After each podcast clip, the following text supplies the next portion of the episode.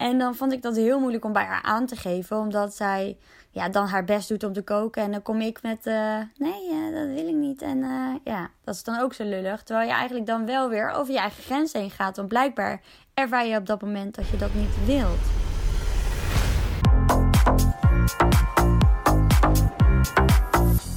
Hi, hi, mijn naam is Joline. Leuk dat je luistert en meegaat in mijn missie om jouw inner superheld weer wakker te maken. Hoe kunnen we jouw masker losmaken? Hoe kan jij nog meer gebruik maken van je superkrachten? In deze podcast vind je inspiratie en tips waarin ik deel hoe ik weer ben gaan vliegen.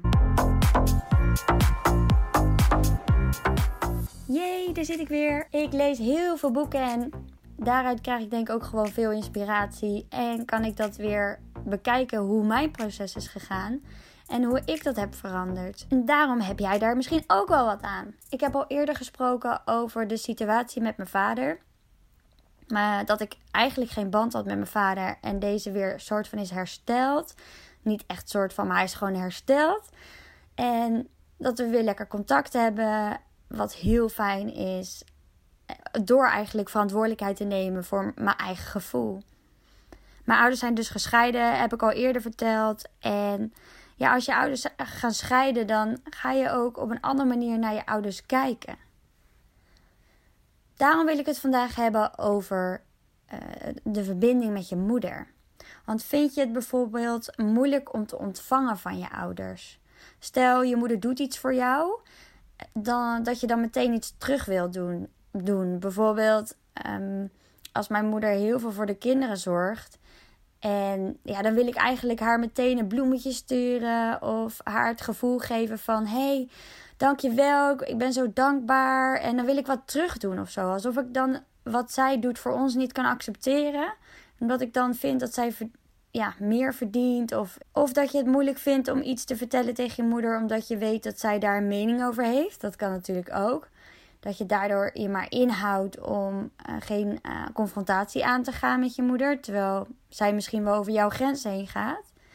Het kan ook zijn dat je dingen juist voor je houdt. Zodat ik, ik een paar jaar geleden had ik bijvoorbeeld liever geen gluten. Maar ook geen vlees en vis, eigenlijk heel weinig. En dan vond ik dat heel moeilijk om bij haar aan te geven. Omdat zij ja, dan haar best doet om te koken. En dan kom ik met: uh, nee, uh, dat wil ik niet. En uh, ja, dat is dan ook zo lullig. Terwijl je eigenlijk dan wel weer over je eigen grens heen gaat. Want blijkbaar ervaar je op dat moment dat je dat niet wilt. Dus waarom zou je iets doen met tegenzin? Ik wilde ook altijd voor mijn moeder zorgen. Eigenlijk dus vanaf het moment dat mijn ouders waren gescheiden. Ja, was, het al, was mijn moeder gewoon mijn allesje. Ik wilde gewoon echt voor haar klaarstaan. Als klein meisje al. Dan ging ik bijvoorbeeld buiten spelen. En dan ging ik, vroeg ik aan haar: Mam, vind je het echt niet erg als ik naar buiten ga? Omdat ik dan ja, haar niet meer kon beschermen of er niet voor haar kon zijn. Dat ik haar niet meer in het oog had. En, en misschien ook dus met de gedachte dat ik er dan niet voor haar, dat ik dan niet voldoende voor haar klaar stond. Ik, daarom was het voor mij belangrijk om in de buurt te blijven. En bleef ik ook altijd in de buurt. Ik was altijd wel rondom huis. Ik had vriendinnetjes dan gevonden weer waar we toen weer gingen wonen. En dat voelde voor mij als veilig. Dat ik in ieder geval zo snel mogelijk naar huis kon als er wat zou zijn. Het is voor een kind vaak heel heftig als het met de ouders niet goed gaat. Want als je ouders ruzie maken, voelen de kinderen altijd een stukje afwijzing.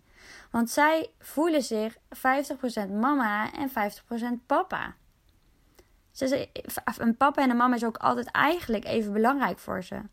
En daarom schieten kinderen vaak in de rol, net als ik deed, in het steunen, in het helpen en in het zorgen. Ik ging bijvoorbeeld altijd vroeger mijn moeder uit werk halen. ik denk vanaf het moment dat mijn ouders gingen scheiden, dus dat was dan toen ik een jaartje of um, groep 6, 7, 8, zoiets. En dan ging ik bij een vriendinnetje spelen, wat ik vaak deed. En dan fietste ik tegen vijf uur naar haar werk. En dan uh, fietsen we samen gezellig naar huis. En dat, ja, ik had het ook niet kunnen doen.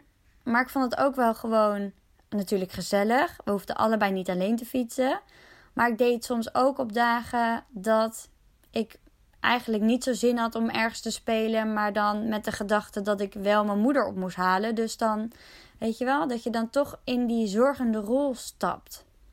En daarbij was ik echt een heel braaf meisje in die periode, want ja, ik wilde niet haar nog meer drama bezorgen dan dat ze al had gehad in haar leven. Waar zij natuurlijk eigenlijk verantwoordelijk voor was en niet ik, maar ik zag dat anders. Pas in mijn puberteit, toen mijn moeder weer ging samenwonen met mijn stiefvader, die toen ook getrouwd was, kreeg ik meer rust om dat te laten gaan. Want er was nu iemand anders die voor haar kon zorgen. Daar kwam dan ook wel meteen de opstandelijke puber die alles deed wat verboden was. Ja, ik ging uh, op mijn vijftiende uh, stappen. Gingen we naar de place to, be, place to Be City Life in Reelwijk. Dat bestaat niet eens meer. Uh, La Barak had je dan. later toen gingen we naar Hollywood. Dan bracht de vader van een vriendinnetje bracht ons en we gingen dan bijvoorbeeld met de trein terug. Of we werden wel opgehaald in de periode dat we nog geen rijbewijs hadden. Op een gegeven moment gingen we ook naar Baja, Rotterdam en Locomotion in Zoetermeer. Ja, we waren overal. Het liefst zoveel mogelijk ook. Dus als het kon, ging ik vrijdag, zaterdag, donderdag, vrijdag, zaterdag. Ik wilde graag van huis zijn en lekker stappen, ontvluchten ook wel. Want ik wilde niet voelen. Ik, had, droeg best wel wat pijn met me mee, denk ik, wat ik niet onder, over, onder ogen durfde te komen. En ook ging ik uiteraard roken. De, uh, volgens mij heb ik dat wel eens verteld al. En, um, en drinken natuurlijk. Dus eigenlijk vanaf mijn vijftiende al dat ik dan... Uh, dat ik dan met een vriendinnetje voor de supermarkt stond. En dat we aan een oudere gozer vroegen of ze dan uh, Briezer, Smirnoff, dat soort dingen in die tijd meenamen naar buiten, naar buiten. En dan gingen we naar buiten lekker hangen en drinken dat was dan heel cool. dus ja, maar toch, als ik dan ook buiten was en al die dingen deed, eh, hield ik dat schuldgevoel. Schuldgevoel was echt wel uh, een belangrijk gevoel. Niet geheel positief, maar in mijn leven. Ja, en als je voor je ouders wilt zorgen, uh, zal het dit patroon dus ook in relaties voortdoen, in je vriendschappen en ook op je werk voortzetten. Het is je tweede natuur om dan klaar te staan voor anderen, waarbij je jezelf misschien wel op de laatste plaats verschuift. Dus je jezelf ook wel wegcijfert en kan wegcijferen heel makkelijk. En jezelf klein maken. Dit herken ik ook enorm in mijn werk als office manager. Toen ik daar acht jaar geleden ging werken. In de eerste jaren was ik echt altijd bezig met hoe het voor anderen was, wat anderen wilden. En dat volgde ik dan op. Dat was toen ook echt wel rol, hoe ik er helemaal in opging. Het geeft je echt het gevoel dat je dan ook soort van belangrijk bent of zo. Of, dat je iets goeds doet voor de ander. Ja, en als dan iemand daar kritiek op heeft, ja, dan voel je je natuurlijk meteen aangevallen. Niet goed genoeg, niet leuk genoeg. Oh, ik maak zoveel fouten. Want ja, wat je wil is eigenlijk dat je iets goed doet. Dus er kan iets fout doen. Ja, dat kan daar niet bij natuurlijk. Het is natuurlijk niks mis mee om iets goeds te willen doen. Het kan ook natuurlijk heel onschuldig zijn. Maar wat is de werkelijke motivatie om dat te doen als je heel eerlijk bent naar jezelf? Wie help je in de essentie door te helpen? Ik heb er ook heel lang moeite mee gehad om voor mezelf op te komen naar bijvoorbeeld leidinggevende. Iemand die dan boven mij stond. Ik had de overtuiging dat ik er niet toe deed. En ik voelde me altijd heel klein en niet belangrijk. Dus dat versterkte ook elkaar. Dus het is ook dus goed willen doen.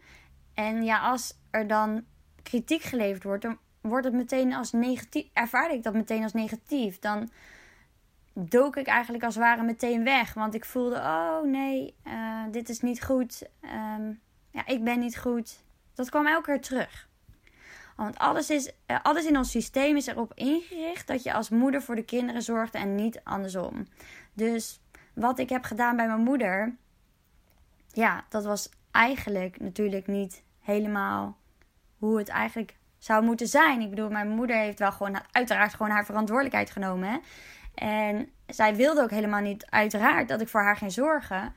Maar onbewust in zo'n klein meisjes hoofd, ja, die alles, niet kan, al die emoties niet kan plaatsen die ze toen ervaarde, ja, wordt dit zo in elkaar gezet eh, als een patroon en blijft dat terugkomen. Dus als je boven tussen aanhalingstekens je moeder gaat staan en voor haar wilt zorgen, dan kan het zijn dat je moeite hebt met de wereld aannemen zoals die is. Ik uh, had en heb er soms uh, nog steeds last van in grote groepen. Zeker als zo'n groep nieuw is. Ik deed altijd wel heel tof hè, als ik dan voor een onbekende uh, groep stond met bootcampers bijvoorbeeld. Maar ondertussen had ik heel veel spanning, was ik zenuwachtig. Um, ja, ik had altijd wel een beetje zo'n knoop in mijn maag. Totdat ik dan daar stond en eenmaal mijn ding deed. Want ik kreeg wel weer vertrouwen omdat ik wist dat ik wel goed was in wat ik deed. En ik ben ook helemaal niet, eigenlijk niet verlegen, maar toch wel terughoudend in groepen. Terughoudend in groepen. En waarom is dat? Dat snapte ik dus nooit van mezelf. Nou, ik heb het boek De Fontein gelezen en daar staat ook in dat het kan uh, komen door afkeurende en kritische angstige ogen. Die we vaak hebben gezien van onze ouders. Als je weer op bijvoorbeeld een, wiebelend krukje stond. Te, uh, en dat ze bang waren dat je er vanaf zou vallen, bijvoorbeeld. Of um, als ze zo'n oordelende blik hadden als je wat verkeerds tussen aanhalingstekens had gedaan. Uh, waardoor zij zich misschien wel schaamden voor een ander. Of ja, wat dus eigenlijk weer losstaat van jou, maar dat zie je als klein meisje anders. Als jij wordt afgewezen door je uh, vader of moeder, als zij zeggen doe eens niet, of eh, ja, en dat op die manier ook brengen naar jou, dan kan je dat heel erg als afwijzend ervaren. Dat je het niet goed doet. En als jij je moeder helemaal, uh, als jij je moeder helemaal geaccepteerd hebt, hoe ze is en met alles wat jullie meegemaakt hebben, dan gaan groepen ook vanzelf makkelijker worden. Dus dan worden ze ook steeds minder eng. Dat merk ik nu echt. Het verschil is zo groot. Ik durf veel meer in groepen nu te spreken. Ik ben niet meer uh, zo bang als ik eraan moet denken dat ik uh, ergens nieuw ben en me ergens in moet zou gaan mengen. Ik begin bijvoorbeeld binnenkort weer met een opleiding. Weet je, dan. Ik sta er gewoon heel open in nu. En ik ga niet allemaal meer van die gekke verhalen in mijn hoofd halen. Dus dan zie je het niet meer ook als een groep. Dan zie je die mensen allemaal als een individu staan. Dat is zo verschillend met het zien in een groep, wat er allemaal op je afkomt. Hoe praat jij over je moeder? Op een afstandelijke of een verbonden manier? En hoe kijk jij naar haar en hoe kijkt zij naar jou? Ik heb een hele goede band met mijn moeder nu. Uh, maar ze is, nu, ze is wel echt mijn moeder. Die nu voor mij meteen klaar staat als ik haar bel. Ik heb mijn please gedrag naar haar over de schutting gegooid. Gelukkig. en uh, mijn mening is nu gewoon mijn waarheid. Daar mag zij anders over denken, uiteraard. Maar ik hoef hier geen schuldgevoel meer over te hebben. En ik mag gewoon zeggen hoe ik het voel. Ja, zo fijn dat je, dat je dit gewoon op die manier kan ervaren. Er komt zoveel rust vrij eigenlijk dan. En dit alles waardeert ze juist ook. En dit is ook de relatie waar zij zich het gelukkigste in voelt. Want zij hield het, het zorgen ook juist alleen maar af. Hè? Wat ik zei, uh, zij voelde dat heel anders dan dat ik dat voelde. Dus als ik dan voor haar wilde zorgen en zij zei: Nou, ga nou gewoon lekker spelen. Dan voelde dat ook nog eens als een soort van afwijzing. Dus het was of ik had een schuld, schuldgevoel, of ik voelde me afgewezen. Eigenlijk was het gewoon nooit goed. Dit alles heeft dus te maken met verantwoordelijkheid nemen voor je leven en voor je eigen gevoel. Maar als je zo jong bent, ja, dan weet je nog helemaal niet hoe je daar dus mee om moet gaan. En je hebt daar heel veel lef bij nodig om dus voor jezelf en echt voor je eigen gevoel op te komen en dus ook dat gevoel begrijpen. Als je in een situatie zit waar jij je niet uh, goed bij voelt en die wel onder jouw verantwoordelijkheid valt, dan kan je dat dus gewoon veranderen. Dat weet ik nu. Waarop heb jij invloed en waar heb je geen invloed op?